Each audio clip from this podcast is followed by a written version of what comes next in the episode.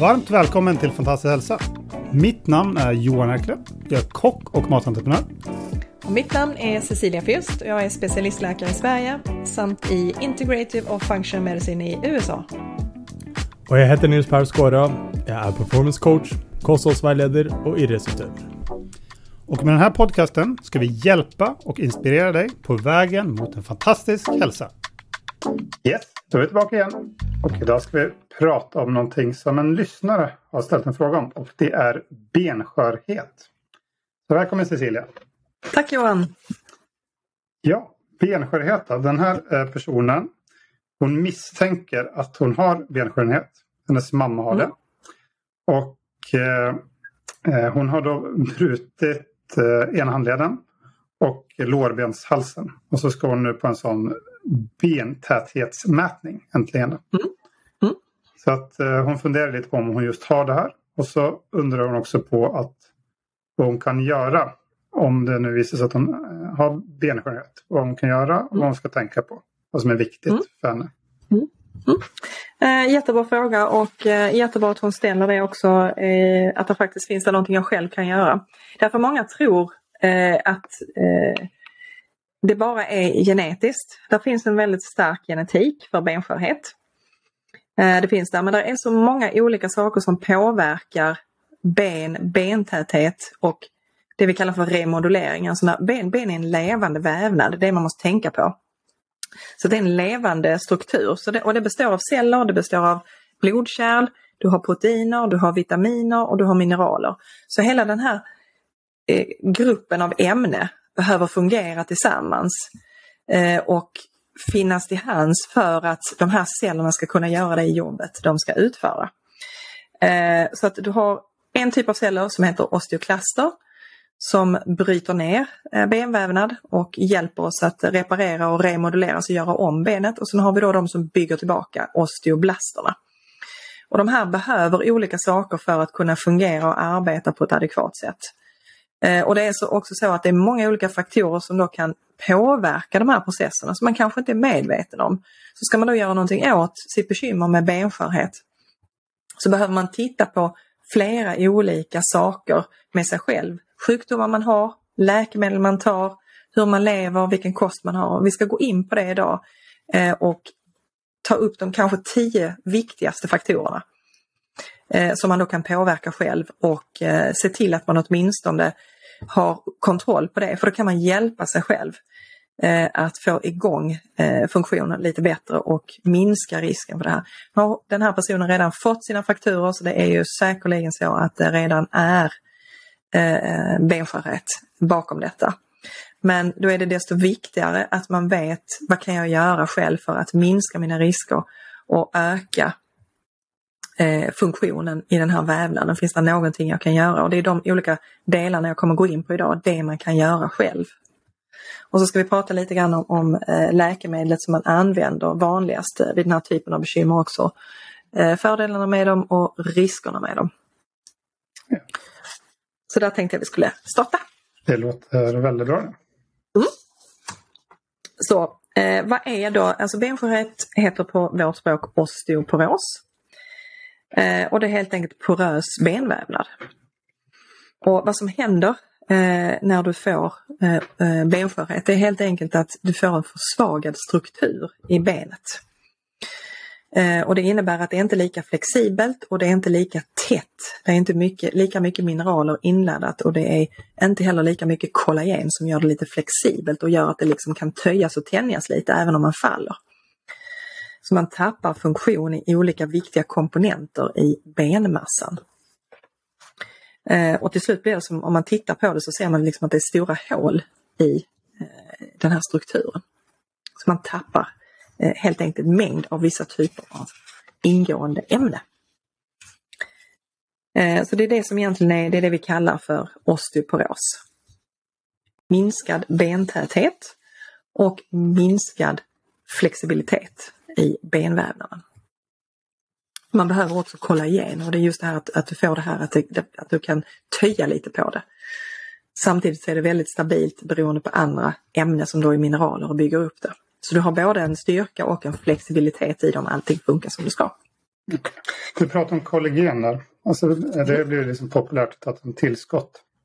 Mm. Kanske ska gå in på det. Är det, är det någonting mm. som man kan göra? Eller? Precis, exakt. Det är precis det. Du måste ha byggstenarna. Mm. Så det är, det är, det vi kommer att prata om också. Vad kan du göra själv? Eh, för att komma åt eh, de här mekanismerna som behövs för att bilda eh, de här olika typerna av strukturer inne i benvävnaden. För som jag säger, det, benvävnaden är levande, det är ingenting som är statiskt. Utan det består av celler som gör saker. Och det innebär då också att då behöver cellerna olika arbetsverktyg för att kunna utföra sina uppgifter. Eh, om man tittar lite på eh, olika typer av riskfaktorer för att få osteoporos. Eh, så har vi då, eh, vi vet att eh, till exempel eh, det finns en stark hereditet, eh, alltså genetiskt. Vissa har enklare för att få det och det har att göra med helt enkelt styrmekanismerna för ben, benbildning och nedbrytning. Så det kan man titta på. Eh, vi vet också att om man har till exempel autoimmuna sjukdomar Eh, till exempel reumatoid artrit, multipel skleros, MS, eh, eh, lupus, eh, ankyloserande spondylit, det är de här autoimmuna sjukdomarna. De kan leda till i sig själv att du får svagare benstruktur och osteoporos.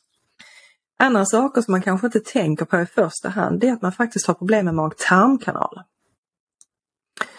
För att du ska kunna bryta ner dina födoämnen och också ta upp dina mineraler och näringsämnen så behöver du ha ett visst pH i magsäcken. Eh, så har du då för lite saltsyrasekretion ifrån magsäcken så kan du då få problem med näringsupptaget. Och då kan du då tappa viktiga byggstenar eller få för lite av byggstenar som krävs för att öka omsättningen och eh, helt enkelt tillgången på de här ämnena som, som kroppen behöver. Och då är det ganska lätt att förstå också att står man då till exempel kontinuerligt på en syrasekretionshämmare som läkemedel som sänker salthalten i magsäcken, då är naturligtvis risken för osteoporos mycket större hos dem.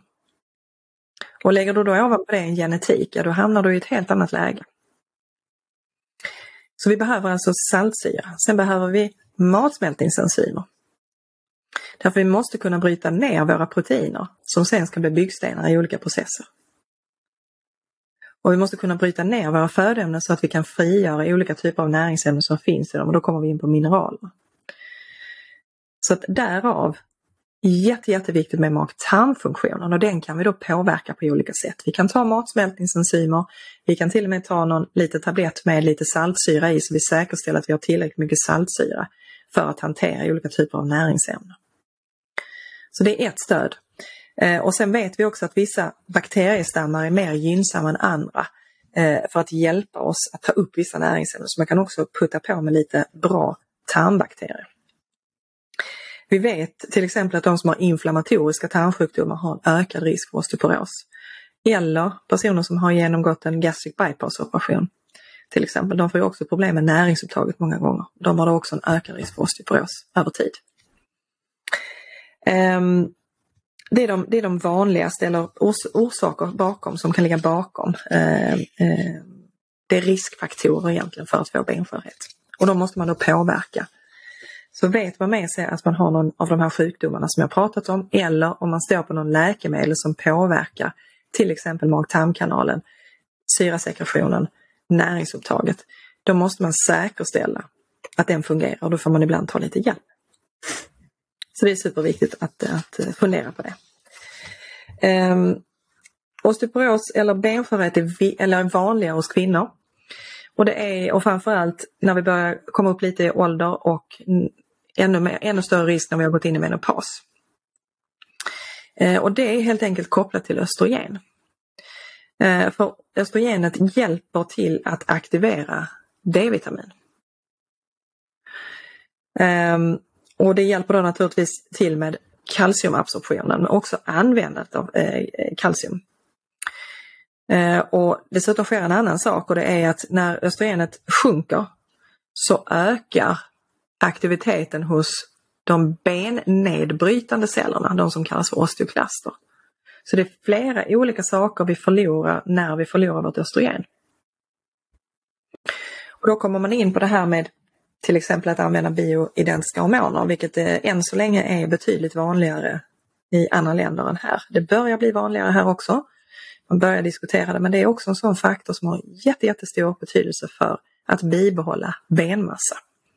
Så det kan vara en anledning till exempel att om man går in i menopaus att man kanske ska ha någon form av bioidentisk substitutionsbehandling för att bibehålla en viss låg mängd östrogen för att kunna bibehålla benmassa. Um, något annat som händer också när östrogenet sjunker eh, hos kvinnor det är att uh, de olika typerna av inflammatoriska triggerfaktorer ökar så att vi har en större tendens att frisätta till exempel olika cytokiner som orsakar inflammation och då kan påverka vår förmåga att bilda ny benmassa. Eh, inflammation påverkar nämligen osteoblasterna som blir mindre aktiva och ökar aktiviteten hos osteoklasterna, de som bryter ner. Så inflammation ökar när östrogenet sjunker. Så det har ytterligare en effekt på eh, östrogennivåerna. Och det är därför det blir så dramatiskt när vi går in i menopaus, att, vi, att helt plötsligt så kan vi hamna i ett läge eh, där vi faktiskt får och förlorar benmassa. Eh, och det luriga med denna sjukdomen, som den här personen faktiskt också har upplevt, är att det är en tyst sjukdom. Den, ett, ett och tre så bara är du där. Det är ingenting som ger sig till känna innan dess att det händer någonting, såvida du inte letar efter det och undersöker det. Så att har man det, vet man om att det är tidigare generationer som har haft det, som till exempel en mamma, så är det bra att kolla när man är kanske börjar komma det vi kallar runt perimenopaus, alltså åren precis åren innan menstruationen försvinner för att se var man startar någonstans. Eh, därför att där har du stor chans att påverka eh, innan du går in i menopaus. Så det är bra att ta reda på innan man har kommit in i menopaus. Sen kan man som sagt, man kan hjälpa till med bioidentiska hormoner när man går in i menopaus. Man kan göra saker åt det. Um, ehm, män kan också få osteoporos. Uh, och hos män är en vanlig orsak, eller vanligare orsak, det är faktiskt att man ligger lågt i testosteron. För testosteron behövs också för benomvandling och benuppbyggande. Så låga testosteronnivåer kan öka risken hos män. Så det kan vara bra att känna till. Mm. Eh, dock mindre vanligt är det. Eh, som sagt, olika typer av brister på mineraler eh, kan leda till osteoporos. Vi ska prata lite om vilka som är viktiga att tänka på att ha eller kanske putta på för att bibehålla benmassan. Ehm, insulinresistens. Eh, har du till exempel eh, typ 2-diabetes eller typ 1-diabetes eh, eller du av, är lite överviktig och har en insulinresistens eller metabolt syndrom, då ökar också risken för osteoporos. Och då är det på hormonell grund. Och då är det det man måste göra någonting åt. Så har man de riskfaktorerna då gäller det att lägga sig så bra man bara kan i konstant eh, sockernivå egentligen och ett stabilt insulinläge, ett stabilt sockervärde. Så att man inte äter på ett sätt som gör att insulinet åker berg dalbana och du driver på de här olika typerna av processer i cellerna som leder till inflammation. Så då är det det du behöver påverka. Um, stress tänker man inte på. Men stress är också någonting som kan driva osteoporos och det har att göra med stresshormonerna som då negativt kan påverka benvävnaden. Ehm, och där har du ju också vissa typer av läkemedel som de flesta har hört talas om. Om man till exempel tvingas att stå på det vi kallar för kortikosteroider, kortison, kort och gott. Eh, därför att det påverkar eh, benbildningsförmågan när man står på den och det vet vi, det ger över tid jättestora bekymmer med osteoporos. Så då måste man också ha strategier. Tvingas man stå på den typen av läkemedel så gäller det att man har strategier för att motverka effekterna av det. Jätte, jätteviktigt. Um, något som kan vara symptom på osteoporos det är ju till exempel om man märker att man helt plötsligt har blivit kortare, alltså man har sjunkit ihop lite eller man har fått en annan kurvatur i den övre delen av ryggen. Det kan man det kan man ibland märka av. Eh, vissa kan få eh, en konstig verk inifrån benen men, men det, är inte, det är inte vanligt att man har någon symptom och det är därför man kallar den för den tysta sjukdomen. Um, när vi kommer in på eh, olika typer av eh, konventionella behandlingsmetoder som vi har, eh, läkemedel som vi använder. Ehm, så är de vanligaste något som vi kallar för bisfosfonater. Eh, och det är eh, till exempel Alendronat kanske någon har hört talas om eller eh, det andra namnet som det hade från början, Fosamax. Till exempel. Vad de gör, det, de är designade egentligen för att uh, förstöra osteoklasterna, alltså de som bryter ner uh, benvävnaden. Så man försöker förlångsamma de processerna. Och då får man också mer ökad mineralisering i benen.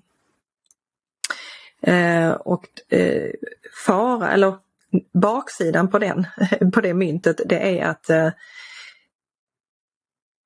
när du gör det och inte har eh, den andra delen som, som bidrar till omsättning och remodulering i ben, nämligen kollageninlagringen eh, i det, så blir benet väldigt tätt och på samma gång också kan man bryta det lättare. Så även om benet blir tätare så är det inte lika flexibelt och då kan man ändå bryta det.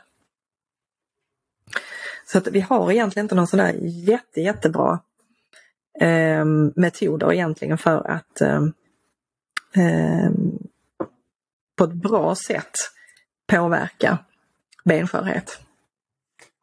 Men står man till exempel... Kan man komplementera med så. Eh, nej, det, det, kan inte utan det har att göra med cellerna som du påverkar. Ja. Så att eh, du saknar, du, du tappar komponenten av att lagra in kollagen i det här. Så att när du, när du förstör det här sambandet mellan eh, de här bennedbrytande osteoklasterna och osteoblasterna så får du också en förändring i vävnadsstrukturerna. Så du får en ökad benmineralisering men du tappar flexibiliteten som jag pratade om innan som då är kollagendelen. Eh, så därför, därför blir det ett problem helt enkelt. Eh, så att benet blir stelt. Ehm, Sen är det ju så också att de här läkemedlen har en del biverkningar och vissa har svårt att tolerera dem av andra anledningar. Eh, det vanligaste är att man får bekymmer med mag-tarmkanalen. Eh, det är absolut det vanligaste. Illamående, irritationer i magsäck, eh, även i, i, ehm, i matstrupen. Man kan få reflux, man kan också få njurpåverkan, är det vissa som får. En annan biverkan är flimmer, hjärtflimmer. Ehm, är det också en annan eh, biverkan som man har pratat ganska mycket om och som vissa tyvärr drabbas av det är eh, nekros, alltså att benet faller sönder i, faller sönder i käkleden. Okay. Mm. Det lät inte skönt. Eh, och det är ofta tandläkarna då som ser det. Mm. Är det. Så då har vi de vanliga, så där är risker med de här. Men som sagt ibland har man inget att välja mellan om man måste använda det. Till exempel om man då står på läkemedel som, som påverkar eh, Eh, mineraliseringen i benen. Som till exempel måste stå på kortikosteroider. Så det, det, är inte helt lätt att kompensera för det med läkemedel. Det är det jag vill ha sagt med detta. Men ibland har vi har inte så mycket att välja mellan och då får man använda det. Och då ska man bara veta att det är baksidor med detta.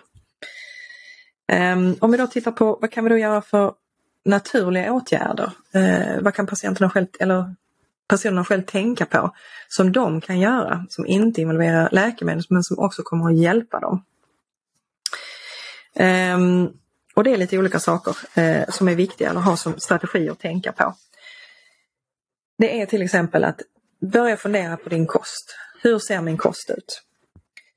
Vi vet att viss kost orsakar eh, inflammation. Och det är processad mat, det är dåliga fetter, det är mycket socker, Ehm, det är eh, snabbmat, det är processad mat, processat kött, ehm, kossor som har levt på pellets och inte gått ut och fått beta gräs. Så att kvaliteten på maten och hur du äter har en jättestor betydelse för om du orsakar dig själv olika typer av inflammation. För att inflammation orsakar nämligen att du frisätter ämnen som kan påverka den här funktionen i att bilda benvävnaden. Så första strategin kan faktiskt vara att börja använda sig av det vi kallar för antiinflammatorisk kost. Så det kan faktiskt vara ett första steg som är väldigt, väldigt viktigt. När du äter antiinflammatorisk kost så innebär det att du lägger också ganska mycket fokus på eh, grönsaker. Eh, och gröns många grönsaker är basiska. Eh, och när du är inflammatorisk är du ganska sur i kroppen. Eh, och pH-balansen är någonting kroppen är väldigt noga med så de försöker hålla pH. Och ett sätt att hålla pH det är faktiskt att dra kalk ifrån ben. Helt enkelt. Okay. Så du mobiliserar kalcium från ben för att kompensera för pH. Eh, så det är alltså en effekt kan vara då att man istället försöker fokusera på mat som kroppen behöver, som minskar inflammationen och som gör att man inte blir lika sur i systemet. Så det är många effekter på kosten där som har en väldigt, väldigt positiv effekt på benvävnaden. Så där, där hade jag börjat. Steg nummer ett. Se till att göra någonting åt kosten. Undvik de här inflammatoriska födoämnena. De bra fetterna, fokusera på dem. Där har vi olivolja, vi har avokadoolja, vi har eh, olika typer av ehm, eh, kokosolja och vi har eh, klarnat smör eller smör från gräsbetesdjur. För där får du de rätta fetterna. Och så har vi då från nötter, vi har de här snällare fetterna som dessutom är bra för oss. Eh, försök undvika så mycket vegetabiliska fetter som möjligt för att de bildar ganska mycket omega-6. Omega-6, där genererar du många av de här inflammationsämnena ifrån. Och det kan då ha en negativ effekt när man har den här typen av bekymmer. Eh, och tänk på att äta naturliga matvaror, tillaga maten och, och försök hålla undan så mycket halvfabrikat som möjligt eftersom det är istoppat ämne som gör att du driver olika typer av negativa processer. Både för tarmkanalen men också för inflammationssvaret. Det är viktigt, viktigt att tänka på. Eh, en annan jätteviktig del eh, det är träning. Och då är det framförallt belastningsträning. För att när benet ska byggas och remoduleras så görs det också efter din fysiska aktivitet. Så ju mer du anstränger vävnaden, så, så, ju mer du belastar vävnaden, ju mer signaler får du att stärka benvävnaden, att, att eh, den ska remoduleras, att den ska bygga på på nytt, att den ska förändra sig. Så du måste utsätta benvävnaden för stress. Och den stressen är belastning och belastning är styrketräning. Mm. Så att du kommer inte ifrån det här. Styrketräning är något av det bästa du kan sysselsätta dig med när du åldras. Därför att mus du tappar muskler och du tappar benvävnad. Tränar du så bibehåller du muskler och du bibehåller benvävnad. Så träningen är ett, en jätteviktig nyckel eh, till att bibehålla eh, bentäthet. Eh, Stressreduktion, självklart, för det har det här med stresshormoner. Du ändrar hormonbalansen och hormoner kan påverka effekten av de här benbildande funktionerna. Så därför är det viktigt att ha kontroll på. Um, när det kommer till näringsämnen. Uh, så det som är viktigast att se till att man har i sin kost. Det är omega-3 fetter, det är kalcium, det är zink, det är magnesium, det är D-vitamin och det är K2-vitamin. Eh, kalket finns där i väldigt många olika typer av födoämnen så det brukar inte vara det stora problemet egentligen. Utan det brukar faktiskt vara de andra. Zink, magnesium, eh, D-vitamin och K. Eh, så att fokusera på dem och se till att de finns i din kost i tillräcklig mängd och mät gärna D-vitaminnivåerna så alltså att du ser att du ligger i tillräcklig hög nivå av det. Och lägg ovanpå det K2 för att D-vitamin och K2 arbetar tillsammans för att påverka bennybildning. Så de behövs båda två. Så att du kanske ska gå från ett, eh, om du behöver stötta upp det så ska du kanske gå från ett eh, bara rent D-vitamintillskott till ett kombinerat tillskott som innehåller både D3 och K2. Det vanligaste är att man har K2 till 7, alltså man har alla olika typer av K-vitaminer eh, eh, i, i kombination. Så att jag hade, har man de här riskgenerna eh, eller man vet med sig att man har haft de här bekymren så hade jag valt ett kombinationstillskott med D3 och eh, K2. Mm. Står man på blodförtunnande så vissa typer av blodförtunnande de påverkar helt enkelt K-vitaminerna. Eh, därför att när man påverkar dem så blir blodet mer lättflytande.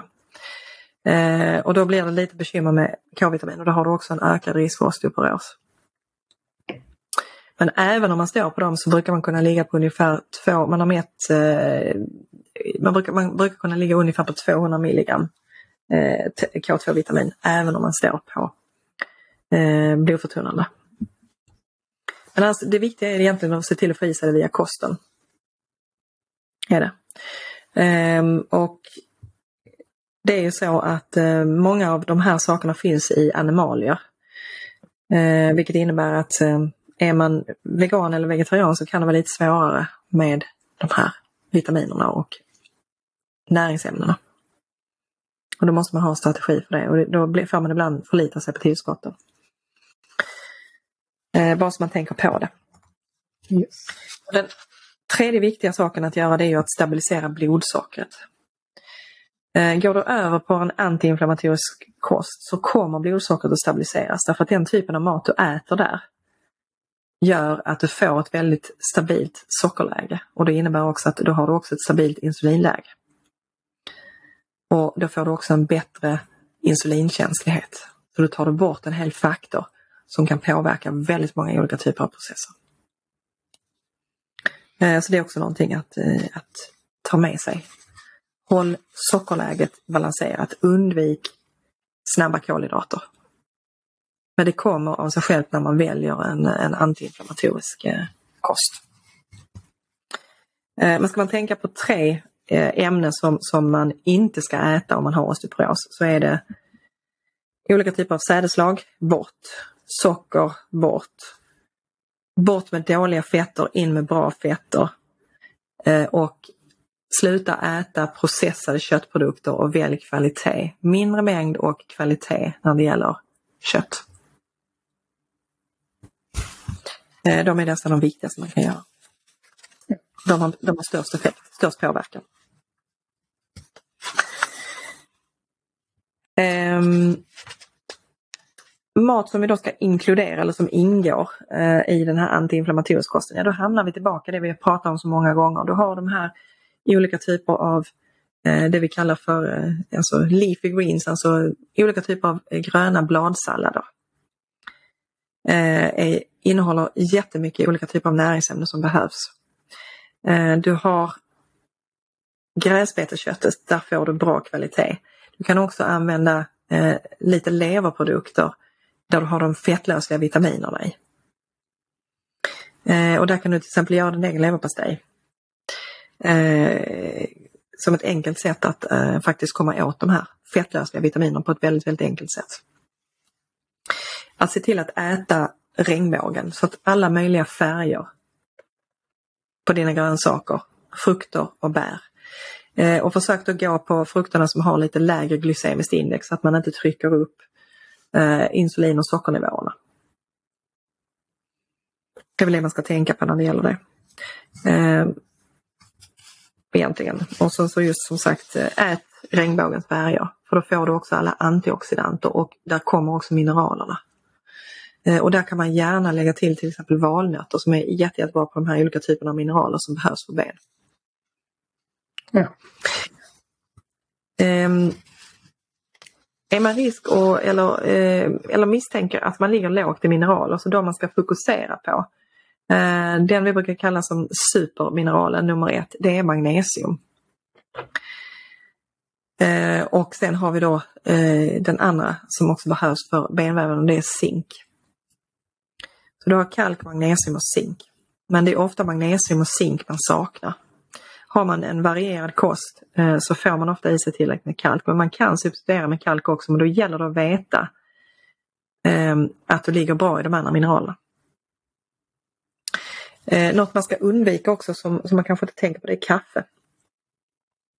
Kaffe har en massa negativa effekter när det kommer till eh, ben och benvävnadstäthet. Och det är för att du tappar eh, vissa typer av mineraler och du hämmar eh, vissa typer av funktioner och effekter i kroppen. Okay. Och kaffe kan vara bra att eh, faktiskt utesluta. Kan det vara. Um, ska jag välja fem toppämne, födoämne eh, som, som stödjer benvävnaden så hade jag valt fermenterade produkter. Jag hade valt Eh, någon form av eh, eh, gröna sallader, alltså gärna rucola, mangold, ehm, eh, grönkål. Eh, ägg är alldeles utmärkt. Den innehåller näringsämnen som eh, benvävnaden behöver. Jag hade valt benbuljong. Eh, och behöver jag öka på mitt intag av protein så hade jag valt eh, kollagenprotein. För att helt enkelt se till att de byggstämmorna och aminosyrorna finns där. Och eh, sen hade jag faktiskt också valt eh, lite olika typer av eh, till exempel eh, eh, vad heter det? Eh, Nori. Ja, Eh, ja, precis. Därför att de innehåller väldigt, väldigt mycket mineraler. Så det är ett enkelt sätt att få i sig mineraler på. ja. Så då har vi nog de topp fem jag hade valt. att När du säger uh, benbuljong då. Eh, Är det Mm. lite delade meningar där att okej, eh, om man lagar en benbuljong får man i sig kollagenen eller inte? Liksom, och, alla fall jag har lyssnat på Mm, lite det olika på. podcast om det här. Läst lite om Mm. Eh, Och det beror sig på hur du gör benbuljongen. Så du måste ju ha med dig, du måste ha med dig broskdelarna också när du kokar det. Ja. Det är det som är tricket. Och därför är det ganska bra att koka det på eh, skrov ifrån kyckling. Ja. Då får du med dig det. Många påstår att man ska ha med lite eh, ättika eller sånt. Alltså någon syra. Ja, för att eh, fris- frigöra det. Så det, det Absolut, är också upp. sant. Ja. Det får göra det mer tillgängligt helt enkelt. Okej. Det är det. Men så, så att, tycker man det är jobbigt, för det, det är ganska jobbigt och det luktar i hela huset när man, när man fixar det. Eh, så kan man faktiskt ta det som eh, tillskott. Ja. Ta det som ett protein eller som ett pulver eh, i, i din smoothie till exempel. Det är enkelt så behöver du inte göra det så komplicerat. Ja. Men du ska bara se till att källan är ren. Mm. Så kvalitet på det, du, eh, det pulvret du köper ska du vara noga med. Okej. Ehm. så jag tror, vi har, det här, jag tror jag liksom vi, har, vi har nyckeln. Vi har gått igenom de här nyckelfaktorerna som, där du faktiskt kan påverka eh, ditt system och ge dig själv förutsättningarna för att kunna bibehålla produktion. Ja, jag lärde mig massa nytt i alla fall. Men jag tänkte säga lite som du sa det att det var ju ganska negativt om man är tvungen att gå på medicinerna. Men om man nu är tvungen till det, men att man eh, gör allt bra som du har tipsat om nu Precis, så är man i alla fall på en mycket bättre plats där. det är ju det man är. Det är det man är och det gäller då att veta det för det är ingen som informerar dig om det. Nej. Det är ju det som är problemet. Det är ingen som talar om att allt det här kommer att påverka din, eh, din förmåga din effekt att få tillbaka någorlunda bra kvalitet på din benvävnad. Så att du inte får de här hårda fasta benet utan kollagen. Så att påverkar du allt det här andra runt omkring så kommer det ju bidra till en mer fungerande vävnad. Och inte bara det, du kommer må bra på många andra sätt när du äter den här typen av kost. Därför att den är väldigt näringsrik. Så att på köpet så börjar det må bra i övriga system i kroppen också. Ja, Så det kommer ha många positiva effekter. precis. Jag, tror det är smart liksom att eh, stryka under lite på det. Att det liksom, det ena utesluter inte det andra. Om man nu tvungen att ta mediciner. För, för många vill ju kunna ta en, pi- ett piller och så ska allt vara bra. Men eh, det funkar ju oftast inte så. Så även om man går på medicin Nej, det- så är det fint att göra lite saker på sidan också. Det, det måste man nästan göra därför att det som jag säger, att benvävnaden är levande vävnad. Då skapar du inte förutsättningar för den här levande vävnaden att fungera på ett korrekt sätt. Eh, då hjälper medicinerna bara så långt som det kan göra. Men du kan aldrig, du kan aldrig ersätta en funktion med en medicin. Det, kroppen fungerar inte på det sättet. Du kan få ett stöd av den. Men du ersätter inte funktion, du ersätter inte cellernas eh, processer. Och Det är det man måste tänka på. Och står du då parallellt på andra läkemedel som kommer påverka eh, funktioner och näringsupptag, ja då hjälper det inte bara med det. Nej. Utan då måste du göra någonting åt de här andra processerna också om du ska ge dig själv de bästa förutsättningarna. Precis. Jag tycker eh, hon som eh, ställde frågan fick eh, svar på, på det hon undrade över i alla fall. Så jag hoppas att hon blir nöjd. Mm. Tack för en bra prat. Och eh, om du som lyssnar eh, är intresserad av något annat ämne som du tycker att vi ska prata om så kan du bara skriva ett meddelande så som den här kvinnan gjorde. Och så kan vi ta upp det, ditt ämne också. Perfekt. Men då eh, tackar för idag Cecilia. Och så är vi tillbaka. Tack Johan. Tack, tack. Och så är vi tillbaka nästa vecka igen med något nytt och förhoppningsvis spännande också. Så tack och hej! Tack och hej!